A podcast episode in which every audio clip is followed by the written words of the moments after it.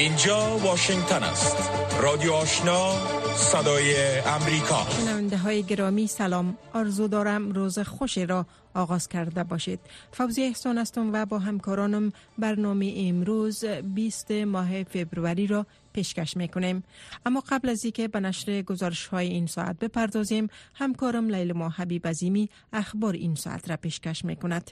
سلام و صبح بخیر. مشروع خبرها. انتونیو گوتیرش سرمنشی سازمان ملل متحد در جریان دومین و آخرین روز نشست دوحه. دیروز دوشنبه 19 ماه فوریه نکات مهم مورد بحث بین کشورهای شرکت کننده این نشست را روشن کرد. انتونیو گوتیرش در یک کنفرانس خبری با رسانه ها نشست دوحه را سازنده خواند و افزود که در مورد موضوعات کلیدی اتفاق نظر وجود دارد. و تصمیم گرفته شد تا من یک روند جدی مشوره ها را راه اندازی کنم تا ببینیم که اگر شرایط برای تعیین یک نماینده ملل متحد وجود داشته باشد تا نه تنها نقش هماهنگ کننده در رابطه با تعاملات را که صورت می‌گیرد داشته باشد بلکه بتواند که به گونه موثر با مقام های حاکم بر افغانستان کار کند. و من این مشوره ها را به زودی آغاز می کنم و دوباره به شورای امنیت گزارش خواهم داد. از جانب دیگر تصمیم گرفته شد تا این فرمت برای ماها ادامه داشته باشد تا بتوانیم بیشتر ملاقات کنیم. انتونیو گوترش مبارزه با حراس افغانی ایجاد حکومت همشمول حمایت از حقوق بشر و ویژه حقوق دختران و زنان افغان و افغانستان صلح آمیز و مدغم با جهان را از نکات مهم یاد کرد که جامعه جهانی با آن موافق است. گوترش گفت این همه مواردی اند که تاکنون عملی نشده و جامعه جهانی در مورد آن نگران است. سرمنشی سازمان ملل متحد همچنان تاکید ورزید که افغانستان نباید به پناهگاه امن برای حراس افغانان مبدل شود و آنها خواستار افغانستانی هستند که با خود همسایگان و جهان در صلح باشد. گوترش با اشاره به عدم اشتراک طالبان در نشست دوحه گفت نامه طالبان را برای اشتراک در نشست دریافت کرده بود که خواستهایشان به معنای نقض حقوق دیگر افغانها و در تضاد با اصول بین المللی بود. طالبان فکر می کنند که رسیدگی به نگرانی های جهان مسئولیت آنها نیست و از جهان نیز انتظار دارند تا آنها را به رسمیت بشناسد. جامعه جهانی فکر می کند که به نگرانی های آنها هیچ رسیدگی نشده و با این حال آنها نمی توانند که برای رسمیت شناختن با طالبان تعامل کنند. سرمنشی سازمان ملل متحد همچنان به راهکار یا نقشه سیاسی آینده در افغانستان اشاره نمود اما افزود که هنوز راه زیاده در پیش روست. حکومت طالبان تاکنون به اظهارات سرمنشی سازمان ملل متحد پاسخی نگفته است اما پیش از این حکومتشان را همشمول دانسته و مدعی شده اند که حقوق همه افغانها و شمول زنان در چارچوب شریعت اسلام تأمین است. شماره از سازمان های حامی رسانه ها و خبرنگاران افغانستان انتقاد کردند که هیچ کسی به نمایندگی از رسانه ها در نشست دوحه دعوت نشده بود. اتحادیه خبرنگاران مستقل افغانستان طی بیانیه گفته است که بی توجهی جامعه جهانی و خبرنگاران در داخل افغانستان قابل توجیه نیست. در اعلامیه آمده است که حضور رسانه ها در نشست های بین المللی درباره افغانستان می تواند تاثیرات مثبت داشته باشد. در نشست دوحه حدود پنج فعال از داخل و خارج افغانستان به نمایندگی از جامعه مدنی افغانستان دعوت شده بود. در این نشست که تحت نظر سازمان ملل متحد برگزار شد در مورد چگونگی تعامل با افغانستان بحث گردید. مقامات طالبان گفتند که در اثر لغزش کوه در ولسوالی نورگرام ولایت نورستان 25 تن کشته و 8 تن دیگر زخمی شده اند جانان سایق سخنگوی وزارت دولت در امور رسیدگی به حوادث حکومت طالبان با فرستادن دادن پیام تصویری به رسانه ها گفته است که در دره تتین در ولسوالی نورگرام 20 منزل مسکونی بر اثر لغزش کوه تخریب شده و عملیات نجات در ساحه آغاز گردیده است. سایق افزود که در این رویداد حدود 20 منزل مسکونی ویران شده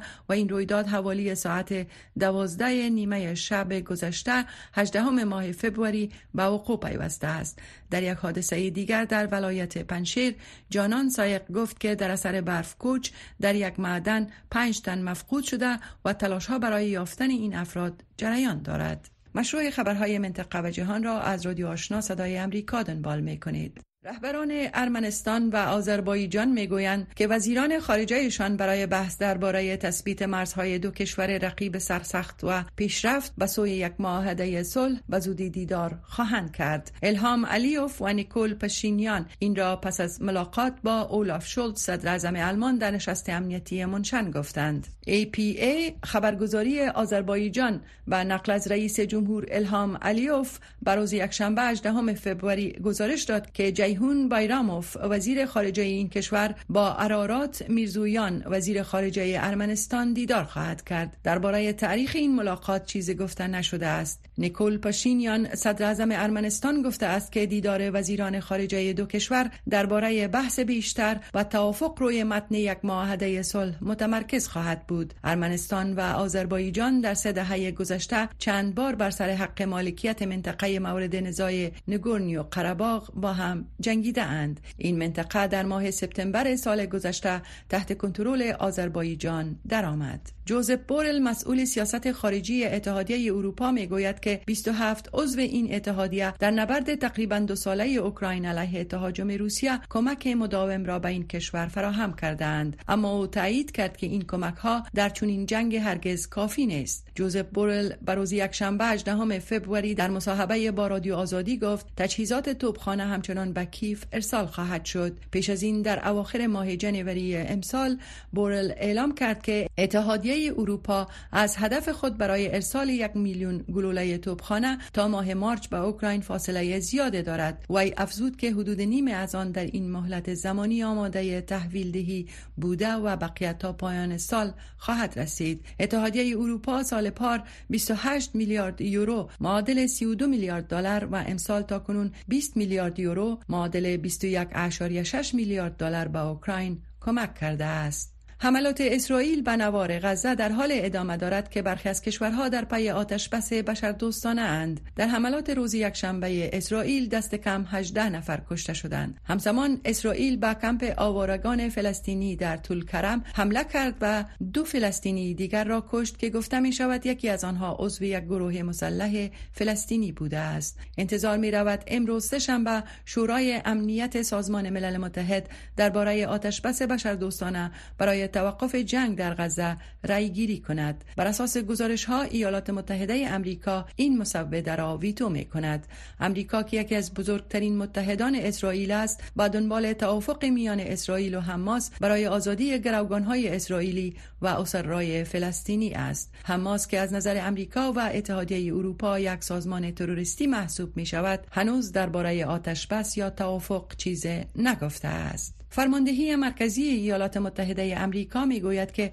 نیروهای این کشور پنج حمله دفاعی خودی را به مناطق تحت کنترل شورشیان حوسی تحت حمایت ایران در یمن انجام داده است. این فرماندهی گفته است که در این حملات سه راکت کروز متحرک ضد کشتی یک کشتی زیر آبی بدون سرنشین و یک کشتی سر آبی بدون سرنشین نشانه گرفته شدند. شورشیان حوسی بعد دنبال آغاز جنگ میان اسرائیل و گروه تندرو حماس در غزه در ماه اکتبر سال گذشته حملات را به کشتی های تجاری در بحیره احمر انجام دادند گروه حماس توسط ایالات متحده و اتحادیه اروپا و عنوان یک سازمان تروریستی شناخته شده است. پایان مشروع خبرهای افغانستان و جهان تا این ساعت از رادیو آشنا صدای امریکا. شنونده های گرامی خبرهای افغانستان منطقه و جهان را از رادیو آشنا صدای امریکا شنیدید. اکنون شما را به شنیدن گزارش های این ساعت دعوت می کنیم کابینه اسرائیل بر روز یکشنبه گفت که به رسمیت شناختن کشور فلسطینی را به صورت یک جانبه رد می کند. این خبر در حال منتشر شده است که درگیری ها در شرق میانه وضعیت وخیم به خود گرفته و تقاضاها برای حل دو کشور مستقل فلسطین و اسرائیل از جانب ایالات متحده و سایر کشورها افزایش یافته است. توجه کنید به مطلبی در این مورد که من فوزیه احسان پیشکش می کنم. کابینه اسرائیل بر روز یکشنبه تصمیم به اصطلاح اعلامی را تصویب کرد که با برسمیت شناختن یک دولت فلسطینی به صورت یک جانبه مخالف است. بنیامین نتانیاهو صدر اسرائیل در این مورد گفت اسرائیل به صورت قاطع حکم جامعه جهانی برای یک توافق دائمی با فلسطینیان را رد می کند. چون این یک توافق تنها با مذاکره مستقیم میان طرفان می تواند امکان پذیر باشد. بعد از کشتار هفته اکتبر چونین به رسمیت شناختن جایزه بزرگ برای ترور خواهد بود. اشاره صدر اسرائیل به حمله تروریستی سال گذشته حماس بود که در نتیجه آن حدود 1200 نفر در اسرائیل کشته شدند و حماس 240 تن دیگر را به گروگان گرفت. این تصمیم را کابینه اسرائیل یک روز بعد از ملاقات انتونی بلنکن وزیر خارجه امریکا با اسحاق هرتزوگ رئیس جمهور اسرائیل که در حاشیه کنفرانس امنیتی مونیخ صورت گرفت تصویب کرد.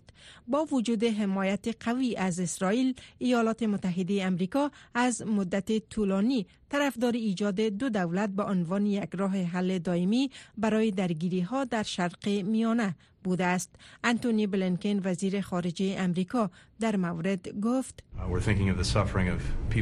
در مورد مصیبت مردمی که در میان جنگ گیر مانده اند فکر می‌کنیم. به شمول رنجی را که زنان مردان و اطفال در غزه متحمل می شوند ما همچنان در مورد فرصت اصلی فکر می‌کنیم که در اختیار ما قرار دارد. فرصتی برای آینده امتر برای اسرائیلی ها و فلسطینی ها و همه دوستان ما در منطقه. این در حال است که فلسطینیان به روز یکشنبه مصروف بررسی خسارات ناشی از یک حمله اسرائیل بر رفح بودند جایی که اسرائیل برای حمله قریب الوقوع زمینی بر آن آمادگی می‌گیرد. به اساس معلومات جدید وزارت صحت غزه در نتیجه جنگ در غزه تا کنون بیش از 29 هزار نفر کشته شدند.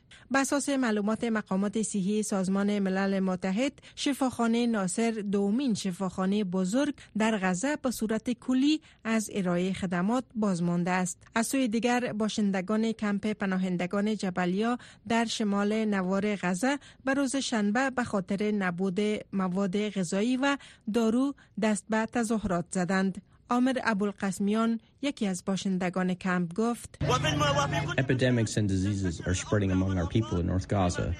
بیماری ها و اپیدمی ها در میان مردم ما در شمال غزه در حال گسترش است. جایی که در آن دارو وجود ندارد. حتی اگر دارو موجود هم باشد مردم توان خرید آن را ندارند. در این حال انتظار می رود که الجزیره در هفته جاری طرحی را به شورای امنیت سازمان ملل متحد پیشنهاد کند که خواستار یک آتش بس فوری در غزه است. ایالات متحده از قبل با طرح این قطعنامه ابراز مخالفت کرده و استدلال کرده است که از گزینه حمایت می کند که شامل حداقل شش هفته توقف در درگیری ها و رهایی گروگان ها است و با شرکای خود روی آن کار کرده است.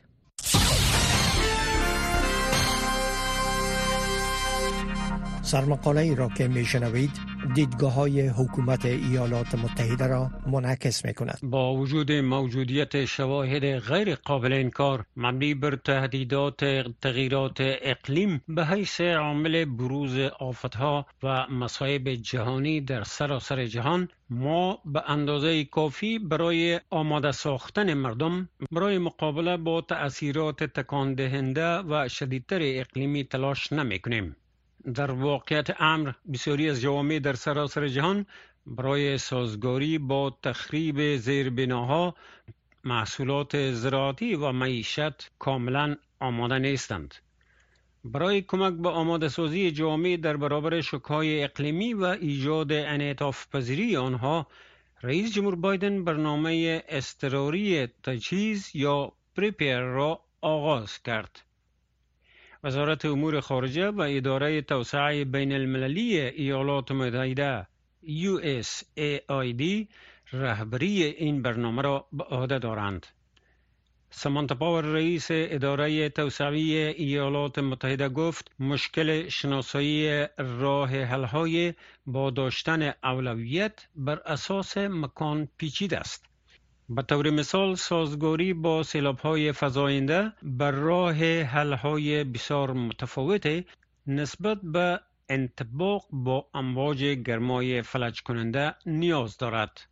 وی افزود اداره توسعوی ایالات متحده یا USAID تقریبا از دو دهه پیش با ناسا برای ایجاد برنامه طرح اضطراری برای سازگاری و جهش به نام سرویر همکاری کرد. این برنامه به کشورها کمک می کند تا خطرات بسیار خاصی را که تغییرات شدید آب و هوا برای آنها به همراه دارد درک کنند.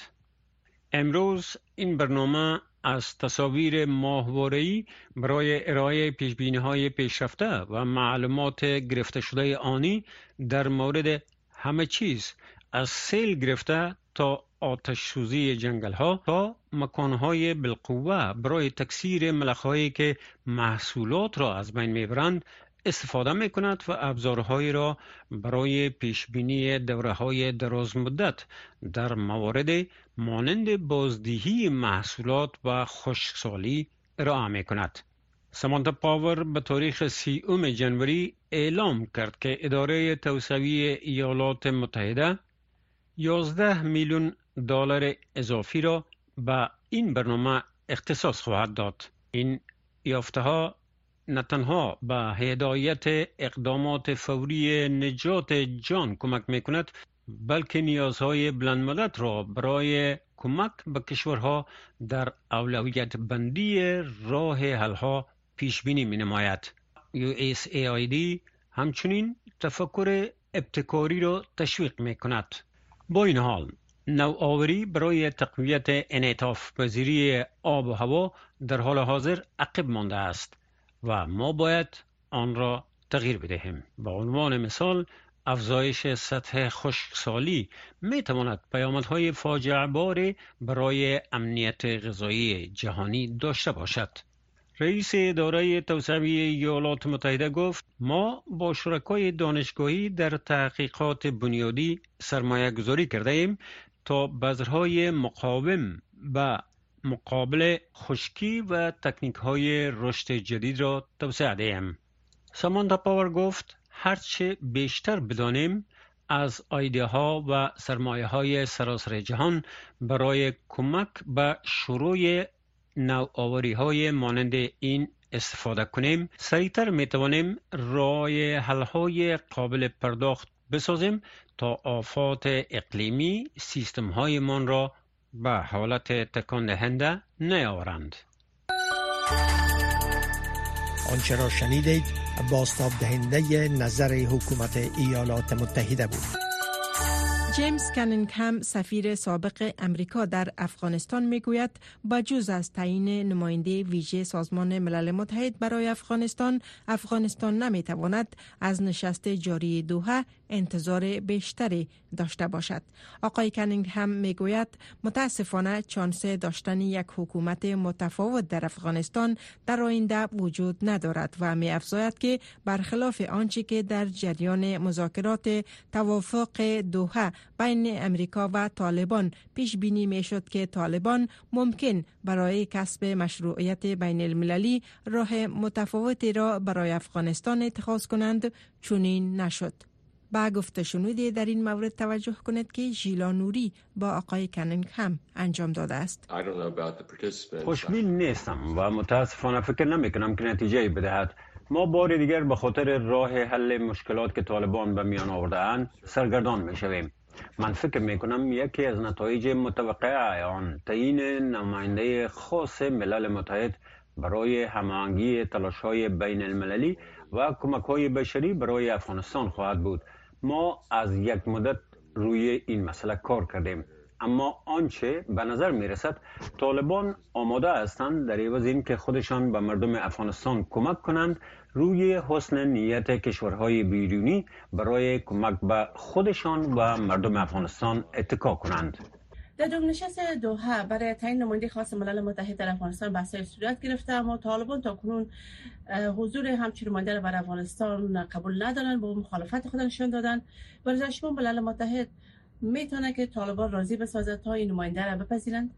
Um, فکر نکنم که بتوانند این کار را بکنند به خاطر که گزینه های فشار بر طالبان را که جامعه جهانی و ملل متحد دارند بسیار محدود است. اما حداقل باید تلاش کنند و هرگاه سایر شرکت کنندگان در کنفرانس توافق کنند برای طالبان دشوار خواهد بود که با آن مخالفت کنند و برایشان دشوار است که کار با سایر کشورها و نماینده خاص را رد کنند در صورتی که از این نماینده کشورهای همسایه و منطقه حمایت کنند. آنها می‌خواهند به قدرت انحصاری در کشور ادامه بدهند و این در هسته این معضله قرار دارد. تا کنون جامعه بین المللی خیلی تلاش کرده است اما متاسفانه به نظر نمی رسد که اندک تأثیر داشته باشد. برای ثبات مناسب در افغانستان نیاز به یک نظم سیاسی همشمول در حاکمیت طالبان که ایالات متحده و شرکای ما خواهان می باشد چین در این میان نظر متفاوت دارد و ممکن کشورهای همسایه نیز با حمایت خود ادامه بدهند. اما فکر می کنم این مسئله درست است که تا زمانی که نظام سیاسی که مردم از آن حمایت کنند در افغانستان برقرار نشود به ثباتی در مرحله متوسط و دراز مدت در افغانستان ایجاد خواهد شد.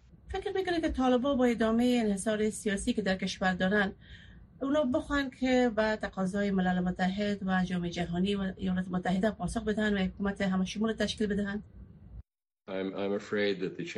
متاسفانه شانس داشتن یک حکومت متفاوت در آینده نزدیک به صفر رسیده است.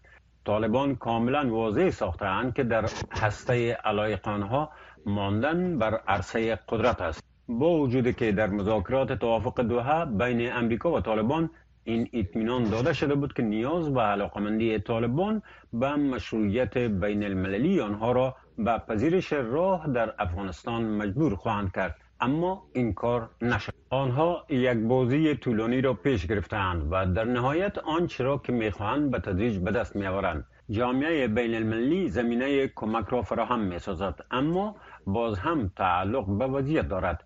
طالبان بدون شک از هر دلاری که به افغانستان می رود سهم خود را از یک طریق می گیرند به خاطر که ادعای امنیت کشور را می کنند این وضعیت فیلی است. قسمی به نظر می رسد که طالبان به این نتیجه رسیدند که با کشورهای مانند چین و روسیه کار کنند. انتظار دارند سایر کشورها با آنها کار کنند. آنها به این فکر هستند که در دراز مدت به این روش ادامه دهند. و این برای ما و کشورهای غربی یک مشکل است که باید به آن رسیدگی کنیم. به وقت و حوصله‌مندی زیاد نیاز دارد و ممکن همانگی بین المللی نیاز باشد که کار نماینده ملل متحد خواهد بود که بتواند به این مسئله رسیدگی کند. شما از رهبران طالبان با برخی از سیاست ها بخصوص در قبال حق تحصیل و کار زنان افغان توافق نظر ندارند. برای شما چی چیز مانع میشه که به یک توافق برسن و یک راه حل به این مسئله پیدا کنن؟ افغان ها بهتر می توانند و برایم کاملا روشن شده است که برای طالبان این مسائل مهم نیست. برای آنها ایدئولوژی های خودشان مهم است و می‌خوان بر سر قدرت بانند و جای خود را مستحکم بسازند. امیدوارم پس از مدت این معضله رفع شود و امکان بیشتر برای ایجاد فرصت بحث سیاسی صادقانه بین افغان ها ایجاد شود و امیدوار هستم که جامعه جهانی به تاکید خود بر این نکته ادامه دهد که طالبان و حکومت افغانستان در صورت مشروعیت بین المللی می کنند که اول از مردم خود مشروعیت حاصل کنند. تا زمانی که مردم زیردست طالبان آنها را مشروعیت ندهند رژیم آنها مشروع خوانده نمی شود رادیو آشنا صدای امریکا. پنج تا هفت صبح و هفت شام تا ده شب. تازه ترین خبرها و گزارش ها و نشست دوحه در مورد افغانستان بدون حضور طالبان و حضور نمایندگان بیش از 25 کشور و همچنان اعضای جامعه مدنی افغانستان در قطر دایر شد. انتونیو گوتریش منشی عمومی سازمان ملل متحد در خطاب خود گفت که دور سوم این نشست نیز دایر می شود و او همچنان از دریافت نامه از سوی طالبان خبر داد که به گفته وی در آن خواسته مطرح شده که نقض حقوق دیگر نمایندگان مردم افغانستان می باشد. جزیات بیشتر در این مورد را در مصاحبه لینا روزبه با نصیر احمد اندیشه نماینده دائمی افغانستان در دفتر ملل متحد در ژنو میشنوید. آقای گوترش در خطابه خود گفت که طالبا در حال روی برسمیت شناخته شدن فشار میارن که به هیچ کدام از تعهدات خود به شمول مبارزه با تروریسم پایبند نیستن و رسیدگی به خواست جهان وظیفه اونا نیست البته گفتن. در حالی که افغان ها نگران بودند که مبادا نوع مشروعیت به حکومت طالبا در این نشست داده شود. این پیام ملل متحد تا چه حد از موضع جدی جهان در قبال طالبان نمایندگی می‌کنم؟ فکر می‌کنم صحبت های دبیر کل سازمان ملل متحد و مجموع بحث را که در روز گذشته جریان داشت خلاصه یا چکیده برای ما شما رسان معلوم دار که صحبت های سرمنشی صحبت های بسیار دیپلماتیک است و ما به اصطلاح بین لین ها را باید بخوانیم که هدفش از کلماتی را که ذکر می‌کنه چی هست چیزی که بسیار مهم بودی بود که قسمی که از اولم پیش بینی می‌شد و همچنان در آجندا معلوم بود که این بحث با حضور یا عدم حضور طالب ها و پیش میره چون لاقل در این قسمت آجندا و حضور طالب ها کدام موضوع بسیار عمده و اساسی از این بحث نبود. این به اساس همون قطعنامی 27 21 ماه دسامبر اخیر ماه دسامبر سال گذشته تصمیم می شد که شورای امنیت تصمیم گرفت که خود انتخاب یا انتصاب نماینده ویژه و همچنان ایجاد یک اجماع و ایجاد یک گروه تماس بین‌المللی و منطقوی سر منظر افغانستان باید که کار پیش بره و این به او اساس بود. دعوت طالبا و دعوت جامعه مدنی یک مثلا یک قدم حاشیوی از این بود و اساس بود که اینا شامل اجندای بحث اصلی نشست نبودن بله. ولی از صحبت انتونی گوتارش معلوم میشه که هنوز هم همو اجماعی که باید در قسمت تعیین این نماینده ویژه به دست می آمد لاقل دوها به دست بله. خب تقاضای دیگه طالبا از ملل متحدی بود که باید هیئت اونا من حیث نماینده مشروع مردم افغانستان در این نشست شرکت کنه و کسی دیگه در اون نباشه که ملل متحد او رفت کرد. حکومت طالبا مکررا به عدم حرفه‌ای بودن در عرصه دیپلماسی از ابتدای حکومتداری خود متهم میشن. آقای گوترش بار دیگه گفته که اینا باید به قوانین جان پابند باشن. به نظر شما تا چه حد ابتدایی بودن حکومت طالبان را با تقاضای از این نوع به جان تبارز می‌تونه خب طالبان ملومدار در یک در یک تخیل ذهنی از امو جایگاه خودشون به حیث یک حکومت به سر می‌برن اونا یک یک تفاوتی را که بین به اصطلاح استیلا با بالای خاک یک کشور و اساس جنگ و violence یا خشونت و تبدیل شدن برای یک حکومت مشروعی که هم به سطح ملی و ملی شناخته شوند بین ازی تفاوت قائل نیستن و فکر می‌کنن که چون تا امروز در هر موضوعی که پافشاری کردن چیزایی را به دست آوردن از این و بعد میارن فکر می‌کنم که همو ای هم وضعیت دیپلماسیشان دیگه هم مخاطره مواجه می‌کنن. و با یک نوع ما فکر می‌کنم طالبان لاقل این موضوع به دام امو صحبت ها و دیدگاه کشورهای منطقه افتیدن و امو مسئولیت دیپلماسی خود هم گذاشتن برای کشورهای منطقه که به نمایندگی از اونا در اینجا صحبت کنن. که همو تو هم شد. پس به این اساس ما فکر می‌کنم که یک فرصتی بوده علا اقل یک فرصت بسیار کوچک دیپلماتیک که او از دست دادن و سرمونشی هم به یک نوع و اصطلاح ناامیدی خود از اینکه بله. طالبا نتونستن در موارد دیپلماتیک حضورشان داشته باشن ذکر کرد ولی فکر در در کل کار کار کاری که شده بسیار کار آمده نبوده. بله. خب آقای اندیشه صحبت ها روی نماینده انتخاب نماینده ویژه ملل متحد در امور افغانستان است. به نظر شما برای ملل متحد نظریات افغان ها در قبال که چه کسی به این پست و یا مقام گمارده شود مطرح است یا خیر؟ به شکل مستقیم کدام ویتوی مشخص متاسفانه مردم افغانستان ندارن ولی وقتی که خود قدنامه تصویب می‌شد معلومدار یک تعدادی از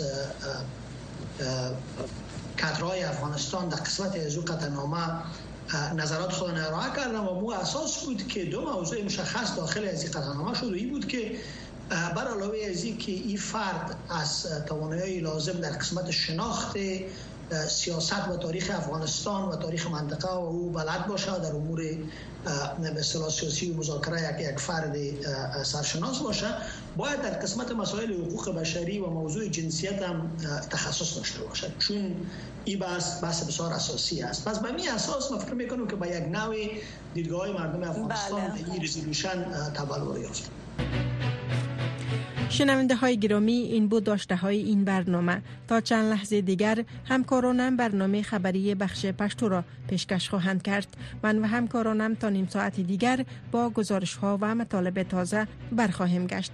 وقت خوش داشته باشید.